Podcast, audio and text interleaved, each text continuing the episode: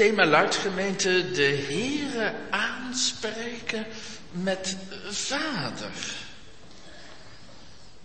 Dat wordt ons in de eerste plaats bevolen. Dat impliceert in de tweede plaats eerbid. En dat wijst in de derde plaats op vertrouwen. Dus de Heere aanspreken met Vader. Het wordt ons bevolen. Impliceert eerbied. En het verwekt ook eerbied. En het wijst op vertrouwen. Gemeente, wij zijn inmiddels begonnen met het volmaakte gebed. Zoals het gebed, het Onze Vader, wel genoemd wordt. En nu begint de opsteller van de catechismus met de vraag, ja, waarom begin je nou met die aanhef? Onze Vader. Waarom niet op een andere manier? Er zijn toch heel veel andere wijzen waarmee je de Heere zou kunnen aanspreken. En dat is waar. Als u de Bijbel een beetje mag kennen, dan weet u dat er heel veel verschillende manieren zijn waarop God kan en mag worden aangesproken. Zoveel namen voor God. Net zoals er heel veel namen zijn voor de Heer Jezus. Heel veel verschillende titels. U zou kunnen zeggen, we kunnen toch ook beginnen met Almachtige God. We zouden kunnen beginnen met Hoogverheven God.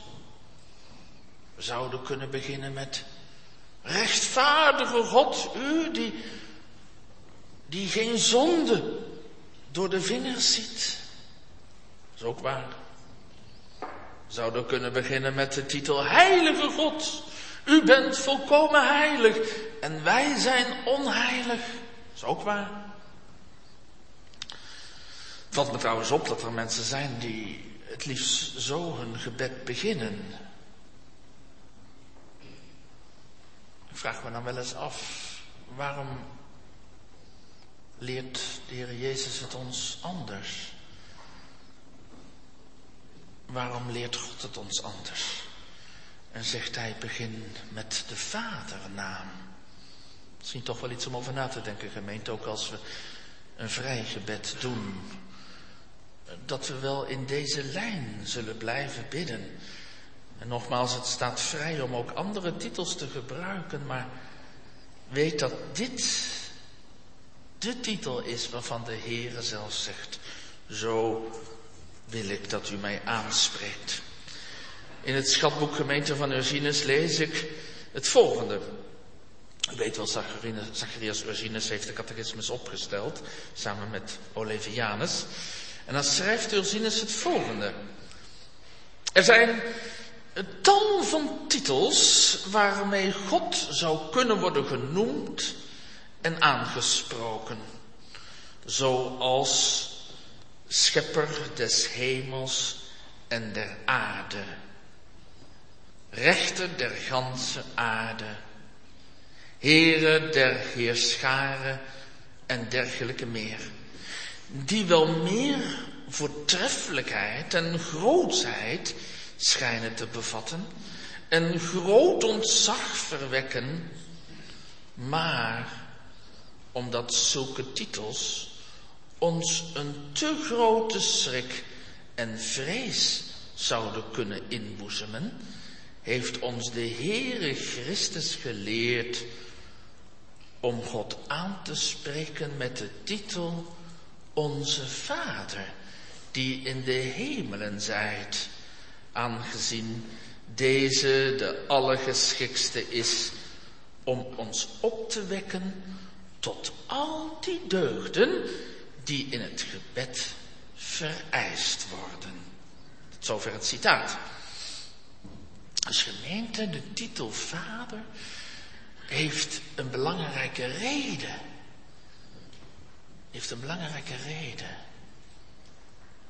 Zoals elke aanspreekvorm ja, iets opwekt in je, in je hoofd.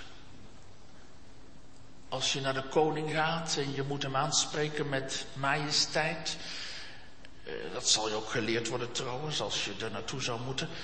Als je op audiëntie zou moeten, dan word je keurig voorgelicht door de hofhouding. Denk erom dat u de koning aanspreekt met majesteit en dat hij u als eerste een hand zal geven en dan mag u ook een hand geven, dan mag u uw hand uitstrekken. u wacht tot hij zegt, gaat u maar zitten. Uh, u valt hem niet in de reden. En dan wordt je precies voorgehouden hoe je de koning moet aanspreken. En uh, ja, en zo was het misschien ook wel kinderen toen je voor het eerst naar school ging. Spannend was dat. Ik weet het nog goed. Voor het eerst naar school. In de klas. Was allemaal zo eng en toch ook wel iets heel aantrekkelijks had het.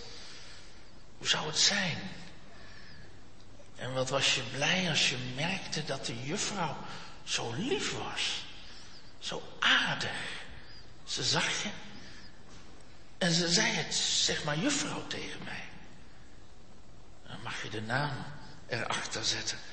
Heel vertrouwd, mijn juffrouw. Dacht dat ik het hier wel eens verteld heb. Hè? Ik moet er nu even aan denken. Dat ik een paar jaar geleden met de kinderen iets ging eten. Dat was in Waardenburg, daar heb ik op de basisschool gezeten. En plotseling zag ik daar mijn oude kleuterjuf. Het eerste wat ik uitriep was, mijn juf. Nou, dat vond ze wel leuk. En ik ook natuurlijk. Eh, zoveel heeft zo'n juf betekend, in ieder geval in mijn leven. En ik denk dat er velen zo spreken. Wat is die juffrouw? Ja, ik ben toch eigenlijk maar blij dat het geen meesters zijn in het eerste jaar. Dat het de juffrouw is waar je je veilig bij voelt. Juf. Of uh, dat je tegen iemand tante of oom mag zeggen. Dat is ook iets vertrouwelijks, hè? Zeg maar ome Kees tegen mij.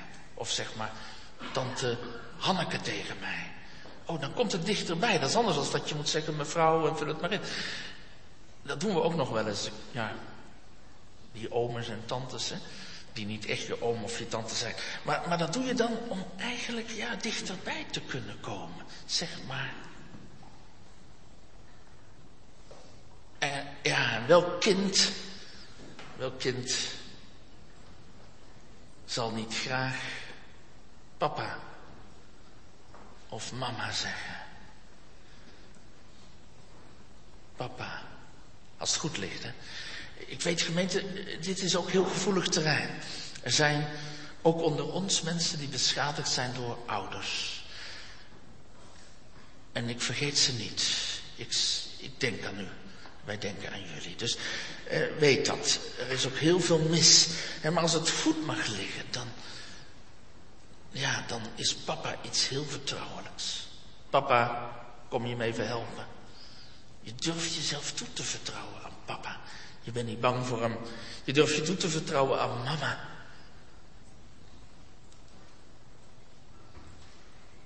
Ik heb me wel eens laten vertellen dat op het slagveld soldaten als laatste om hun moeder riepen. Mama, mama. Ik las er vorige week nog van. Van uh, een getuige uit een concentratiekamp die gaskamers moest leegmaken. Vreselijk. Hij moest getuigen tegen een van die nazi's die verantwoording af moest leggen in Jeruzalem. En die man vertelde al snikkend hoe er een meisje van twaalf jaar nog leefde. Hij kon niet meer uit zijn woorden komen. Hij zegt het enige waar ze om riep was mama. Ik wil naar mama toe. Aangrijpend gemeente. Aangrijpend. Je ziet het zo voor je ogen. Mama, papa. Gemeente, nu zegt die hoge God, de almachtige God, de schepper van hemel en aarde, die volkomen rein en heilig, rechtvaardig is, die zegt, ik wil aangesproken worden met de papa-naam. Vader.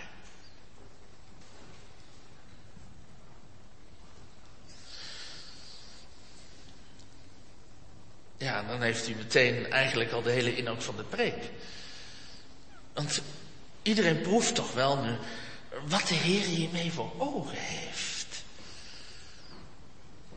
Zoals, zoals een, een vader, een moeder blij is als het merkt dat het kind haar of hem helemaal vertrouwt, zich toevertrouwt. En zoals die juf op school en ook de meester blij is als die merkt dat kind, en dat vertrouwt mij. Dat kind durft mij te vertellen wat haar bezighoudt of wat hem bezighoudt. Dat kind is niet bang voor mij, maar durft mijn hulp in te roepen. Dat is nou precies gemeente wat de Heere ook wil. Dat is nou precies wat de Heere wil. Hij zegt, en, ja, het is geen advies hoor. Kijk, wij zeggen dan wel eens, nou, je, je mag best wel tegen mij zeggen. Zo zegt de Heer het niet. De Heer zegt niet, je mag best mij aanspreken met vader. Nee, hij zegt, ik beveel het u. Het is niet vrijblijvend. Het is geen goed gemeend advies. Het is een bevel, een vaderlijk bevel.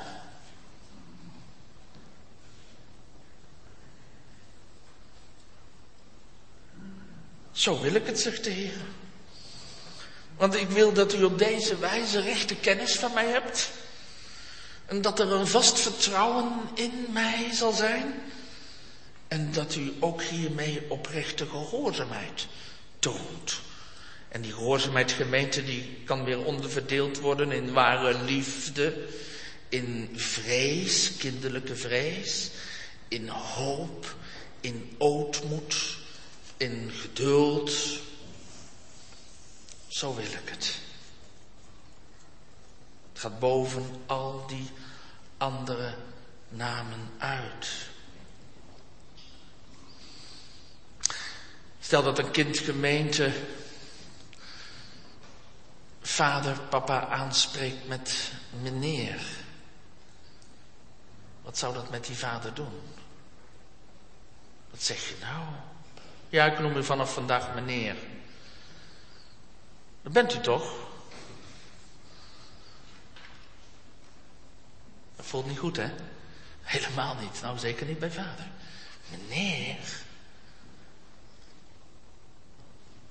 Ben je vader? Ja, zegt u, maar, maar hoe, kan dat dan? Want u leert toch niet vanmiddag dat we allemaal kinderen van God de Vader zijn en op weg zijn eh, naar eh, de hemelstad? Of wel? Nou, we beginnen gemeente met vast te stellen dat God kracht en schepping onze vader is gebleven. Hij zegt, ik ben uw vader.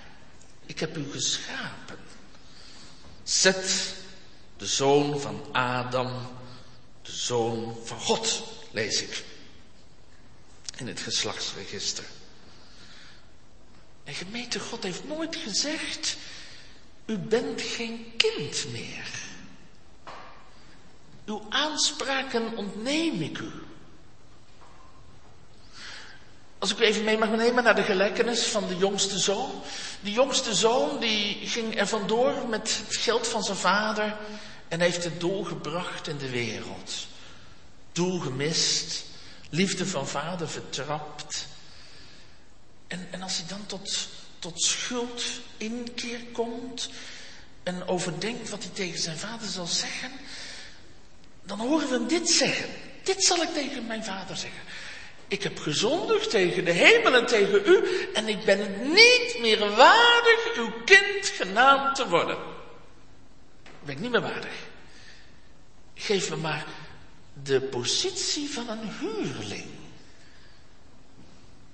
Iemand die geen kind kan zeggen. Geeft u mij maar dezelfde plaats van, van iemand die elke dag komt werken, maar nooit vader kan zeggen. Geef mij maar een lage plaats. Dat neemt hij zich voor. Gemeente heeft die vader in de gelijkenis ooit gezegd. dat is mijn kind niet meer. Ik beschouw hem niet meer als mijn kind. Nee, dat heeft die vader nooit gezegd. De zoon bleef kind.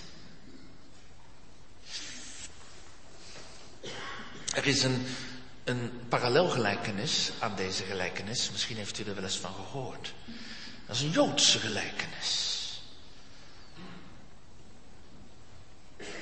Ja, ik heb hem gehoord, gemeente, uit de mond van dominee Vergunst, toen we een, samen in een taxi zaten in China, op weg naar een conferentie, ergens in een bergdorpje. Ik ben het nooit meer vergeten.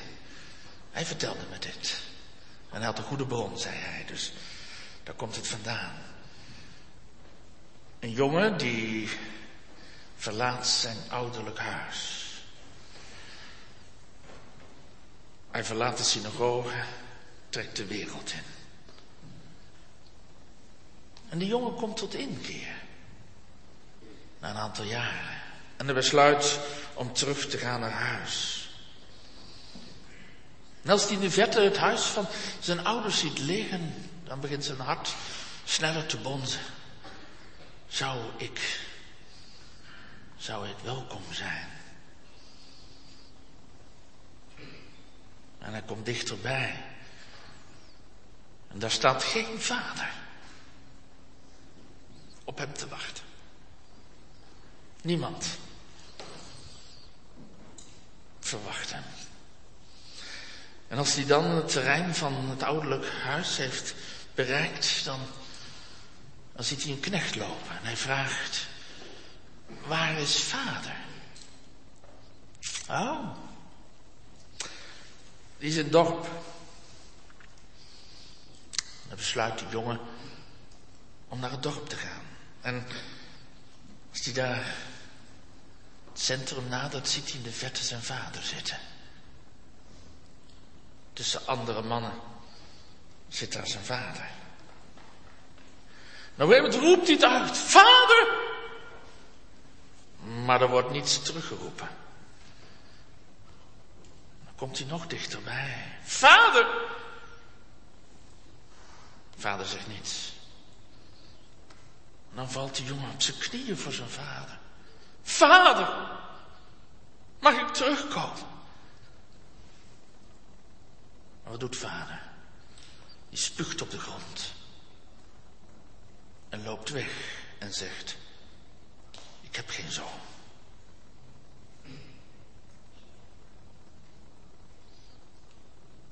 Dat was de Joodse gelijkenis. Weet je wel het verschil, hè? Wat Jezus dan brengt qua boodschap. Vader blijft vader. Zoon blijft zoon. Maar gemeente, u heeft gelijk als u zegt, er is wel wat veranderd in die verhouding naar vader toe. Dat wordt u voorgelezen, gemeente, eh, tijdens elke doopdienst uit het formulier. U kunt het denk ik wel dromen. Ja, ik hoop dat u het ook kent met het hart. Kinderen des toorns. Zo zijn we geboren. Kinderen waarop Gods toorn rust. Het gemeente deze Vader in de hemel is wel vertoond vanwege onze zonden. En misschien mag ik een eenvoudig beeld voor de kinderen gebruiken. Als een kind het heel bond gemaakt heeft. En er is een telefoontje van school gekomen. En er wordt verteld, er is verteld wat het kind allemaal gedaan heeft. Dat vader zo vertoond is. Dat als het kind thuis komt, dat vader zegt, ik kan even niet met je praten, wat ik nu gehoord heb. Ga naar je kamer. Ik wil je niet meer zien. En dan weet het kind heel goed hoe laat het is. Vader is vertoond en door die toon kan ik vader niet ontmoeten. Meten, dat is een aardsbeeld, maar God gebruikt aardse beelden. Hij zegt, de Heer zegt, zo ben ik vertoond en, en, en mijn toon blijft voortduren tot in eeuwigheid. Tenzij, tenzij een ander in uw plaats is komen staan. Want gemeente, dan wil hij ook vader zijn in de verlossing, vanwege de verlossing door een zondaar aan te zien. Met daarachter, of moet ik zeggen daarvoor, zijn zoon. Omdat hij de zonde van die zondaar gaat toerekenen aan zijn enige zoon, de Heer Jezus Christus. Daarom kan hij ons weer in genade aannemen. En over deze kinderen niet meer bevreesd te zijn voor God de Vader. Dan zegt hij, ik zal niet meer op u tonen. Want mijn toon is geblust. De hitte van uw gramschap is geblust, zingt een dichter. In het offer van Jezus. De Heer zegt, ik blijf uw vader. Ik zal nooit anders over u denken, ook al, ook al bent u weer zo iemand die met die jongste zoon moet zeggen. Ben ik het wel waard, heren? Nee, ik ben het niet waard dat ik uw zoon nog ben. Maar de Heere zegt, ik kan u niet vergeten. Kan ook een vrouw haar zuigeling vergeten? En dat zij zich niet ontfermen over de zoon haars buits? Of schoon deze vergaat. Het kan gebeuren, zegt de Heer. Zo zal ik u toch niet vergeten. En we hebben het net gezongen. Geen vader sloeg met groter mededogen op het teder kroost. Eens en voor altijd zijn ontfermende ogen. Ook als ze weer weglopen. En weer terugkomen tot hem. Ook als ze moeten zeggen, Heer, opnieuw heb ik mijn handen vuil gemaakt. Opnieuw heb ik mijn ziel bezoedeld. Opnieuw ben ik te veel in de wereld gegaan. Opnieuw heb ik uw naam verloochend. Hij doet niet naar hun zonde, maar rekent ze zijn zoon toe. Hoe zwak van moed, hoe klein wij zijn van krachten.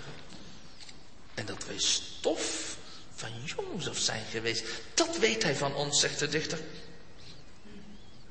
Ja, dan mag er ook vertrouwen zijn, gemeente, dat de Heer zijn kinderen alles zal geven. Paulus zegt het in Romeinen 8, ik heb het u al eens mogen voorhouden al vaker, die ook zijn eigen zoon niet gespaard heeft. Zal hij ons niet met alle moeite en zorgen in dit leven de dingen schenken die we nodig hebben? Hoe zal hij ons ook met hem niet alle dingen schenken? Dus gemeente God is vader vanwege schepping. Hij is vader vanwege de verlossing. Maar hij wil ook een vader zijn vanwege de heiligmaking. Hij zegt, een vader heeft recht op eer. Een moeder ook. Kinderen, jullie ouders hebben recht op jullie eer, op respect. Dat mogen ze vragen. Je scheldt je vader of je moeder niet uit. Dat is heel erg als je dat doet. Ze hebben recht op een eer. Net als de meester en de juf op school of de leraar of de lerares. Ze hebben recht op eer. Je behandelt ze met respect. Zo zegt de Heer, ben ik toch een vader? Waar is dan mijn eer? Zult gij de Heere dit vergelden? Gij dwaas en onwijs volk? Is hij niet uw vader? En, en ik hoor Malachi tot het volk zeggen, ben ik dan een vader? Waar is mijn eer en ben ik de Heer? Waar is mijn vrezen? Dus de Heer wil ook deze eer ontvangen vanwege de heiligmaking in het leven van zijn volk.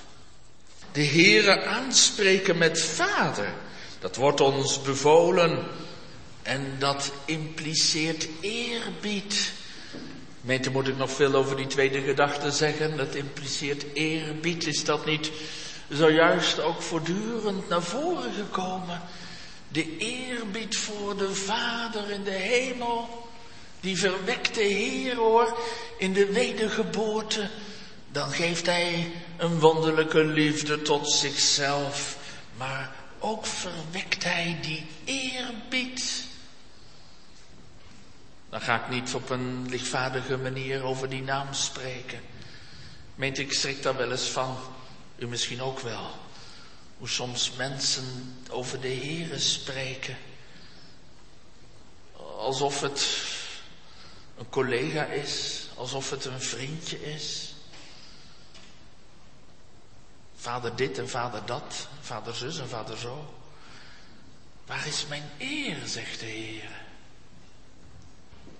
Meent u, ik lees niet in de Bijbel dat mensen zo op die wijze de Heer hebben aangesproken.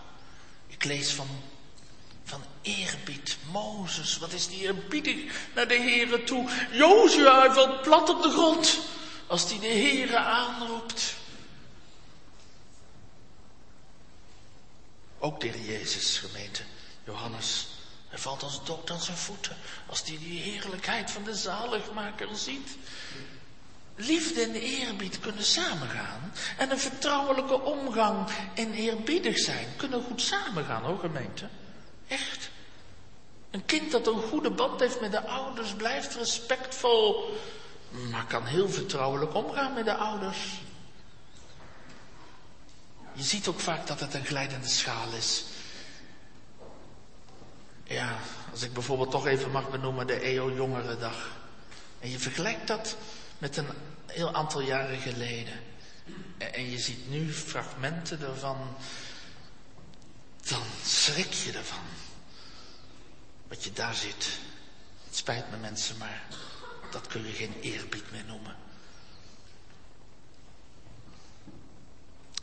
En ik zeg het hier maar hardop, daar horen wij gewoon niet te komen. Waar is mijn, mijn eer? Ja, maar de mensen vinden het zo leuk. En zo trek je jongeren. Oh. Oké, dus dat mag dan te koste gaan van eerbiedigheid, van respect voor de Heer. Meente, laten we, en ook jongeren, eh, laten we dit in ons achterhoofd houden. Als je selecteert in muziek, wat beluister je? Is hier ook eerbied in te beluisteren? Die jongste zoon gemeente spreekt vol respect over zijn vader. Vader, ik ben het niet waardig nog uw kind genoemd te worden. Dat wilde hij toch zeggen. Maar we horen het hem niet meer zeggen als hij bij zijn vader komt. Want zo schrijft Spurgeon, zijn vader kust hem. En ontfermt zich over hem. Dat die jongen dat niet meer kan zeggen. Hij krijgt de kans niet meer. Hij krijgt de waardigheid van een zoon. Een ring aan zijn vingers. Een nieuwe mantel. Schoenen aan zijn voeten. Allemaal wijzend op het kindschap. En zo wordt hij in huis opgenomen. De Heer aanspreken met vader. Het impliceert eerbied. En tenslotte gemeente, het wijst op vertrouwen. Ja, daar heb ik al een paar keer wat van gezegd. Hè? Daarom is het ook bevolen door de Heer. Gemeente, Allah heeft geen kinderen. Allah heeft geen kinderen. Allah heeft knechten. Die moeten keihard werken. En misschien is Allah barmhartig. Misschien niet. Weet je nooit. Weet je nooit met zekerheid. Zeggen ze. Ik herinner me het gesprek met een student op de universiteit. Die moslim was. Ja, ja, ik doe mijn uiterste best. En ik ga er ook voor. Ik ga ervoor. Ik wil maximale zekerheid. Hij zegt, ik krijg alleen nooit zekerheid. Maar ik doe alles wat in mijn vermogen ligt om alle tevreden te stellen. En dan hoop ik dat de deur straks open gaat. Allah heeft knechten, geen kinderen. Meent u welke vader, welke vader zou op kosten van zijn zoon willen leven? Ja, als het misschien niet anders kan, maar dat zal hem wel aan het hart gaan als het zou moeten. En hij zou hem zo snel mogelijk alles terug willen betalen. Nee, gemeente. Een vader zorgt voor zijn zoon. De hemelse vader wil zorgen voor zijn kinderen. En dat is nou precies wat de Heer Jezus ons leert. In, in, in de verschillende gelijkenissen. Twee weken geleden hebben we die eerste gelijkenis aangestipt die genoemd wordt. Van, van die vriend die onverwachts bezoek krijgt. En dan uh, ja, geen brood heeft. En hij weet, er is een andere vriend in het dorp uh, waar ik nou aan verbonden ben en die heeft kinderen. Er zal ongetwijfeld brood over zijn. Want ja, je bakt altijd wat meer brood als je kinderen hebt dan je precies nodig hebt. Ik zal naar mijn vriend gaan. En hij deed het. En hij liet de klopper op de deur vallen. Maar uh, die vriend wilde niet open doen, want hij zei, ik, ik heb alles al afgesloten, het is nacht, het, het komt gewoon niet uit. Maar degene die buiten staat, die blijft maar aanhouden. Ik heb brood nodig. Help me. En we hebben gezien waarom hij bleef staan bij de deur. Net zo lang totdat de deur openging. Want hij wist, mijn vriend zegt niet dat hij geen brood heeft. Maar mijn vriend heeft geen zin.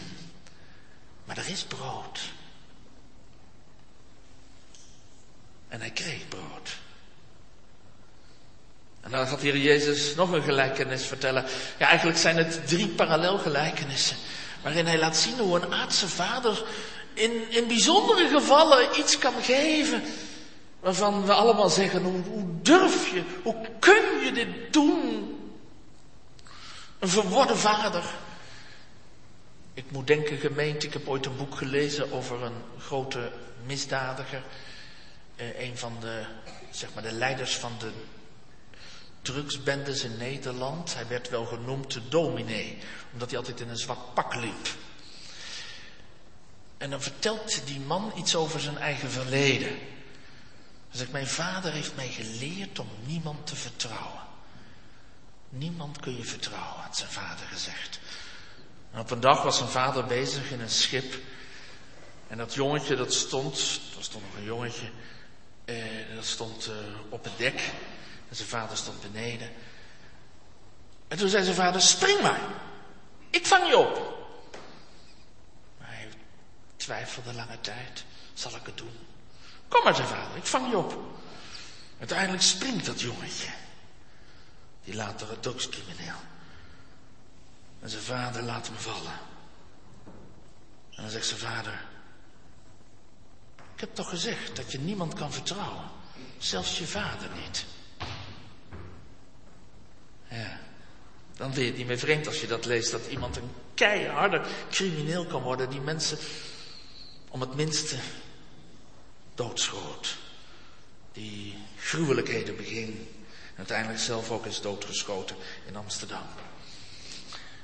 Een verworden vader. Kijk, dat beeld gebruikt hier Jezus. Hij zegt, eh, welke vader zal zijn kind het tegenovergestelde geven waar het om vraagt. Een kind dat vraagt om brood. Papa, heeft u eten voor mij? Nou gemeente, welke vader zal het brood niet uit zijn eigen mond sparen voor zijn kind? Als mijn kind maar te eten krijgt. Maar stel nu dat die vader, die aardse vader, in plaats van zo'n brood, een plat brood, een steen geeft, een platte steen. En het is een beetje donker en de jongen denkt dat hij brood krijgt. En hij zet zijn tanden erin en hij bijt zijn tanden stuk op de steen. Dat is toch onmenselijk, zegt u. Ja, zegt Jezus, dat is onmenselijk. Of een ander kind eh, vraagt om een ei. Papa, heeft u een ei? En die vader pakt een schorpioen. Een beestje met, met een, uh, ja, een vreselijk gif bij zich. Dat, dat door middel van een angel dat gif in je kan spuiten. Het lijkt op een ei. Die vader geeft het aan het kind. En dat kind, dat denkt dat het het kan eten. Afschuwelijk. Moet er toch niet aan denken. Of het kind vraagt om een vis. En dan moet je denken aan een vis die een beetje lijkt op een paling. Nou, we weten allemaal een paling, ja, dat lijkt wel op een slang. En dat die vader een slang pakt, een giftige slang. En dan geeft hij aan zijn kind een levende giftige slang waardoor zijn kind gebeten wordt. U zegt, hou maar op, wat zijn dat toch voor beelden? Ja, zegt Jezus, hou maar op. Hou maar op, dat, dat doet toch een aardse vader niet. En al zou een aardse vader zo erg kunnen zijn, in, bijzondere omstandigheden, zo verworden zijn, Maar de hemelse vader die geeft wat u nodig hebt. En die geeft u veel meer dan u zelfs vraagt. Gemeente, God geeft meer dan u vraagt. Want God is een God van overvloed. Ja. Ik las bij Voetsjes. Dat vond ik zo'n mooie uitspraak. Voetsjes die zegt. Gods kinderen, ze bidden zo vaak om een steen. En dan krijgen ze brood. Ze bidden om een schorpioen en ze krijgen een ei. God draait het om. Ze bidden zo vaak om de verkeerde dingen in hun leven. En ze zijn vaak zo biddeloos. Ze hebben zo weinig verwachting. En God geeft ze boven denken en boven bidden en boven verwachting. Weet je, zo is God. Dat is de Vader. Ik las bij Bonar, Andrew Bonar. Hij zegt, en dat is iedere keer iets wat terugkomt in zijn, in zijn autobiografie. Het schrijven over zichzelf, dat hij zo biddeloos was. Nou, als er iemand veel gebeden heeft, is het Bonar wel. En dan neemt hij zich voor om meer te gaan bidden. En hij houdt het de mensen voor, u moet meer in het gebed zijn. Hij zegt, stel je toch eens voor dat de zonen van Jacob uit Egypte terugkwamen bij hun vader. En ze hadden allemaal zo'n klein zakje met koren bij zich. Genoeg voor een week. Dan zou vader Jacob toch hebben gevraagd, waarom hebben jullie toch zo weinig? Eén zakje per gezin, dat, dat is... Ja vader, dat hebben we gekregen. En dat Jacob zou vragen, maar hoeveel hebben jullie dan gevraagd? Uh, ja, om zo'n zakje, vader. Vind je het dan vreemd, zegt Bona, dat ze niet meer gekregen zouden hebben? Als we de Heer niet meer vragen. Hij wil erom gevraagd worden. Waarom zou hij het dan geven? En hij doet het toch gemeente, hij doet het, zei ik al, boven, boven denken en boven bidden en boven verwachten. Maar, maar laten we toch doen wat de Heer van ons vraagt, namelijk al onze noden bij hem brengen. Heer, u weet wat ik nodig heb voor tijd en eeuwigheid. Ken hem in al uw wegen. Wend u weg op de Heer. Of het nou gaat, gemeente, om de geestelijke zaken. Of om de tijdelijke zaken. Die horen bij elkaar. Die zijn, als het goed is, aan elkaar verbonden. O, leg ze toch aan hem voor. En zeg het, Heer. Ik wil nog geen stap zetten zonder u. Amen.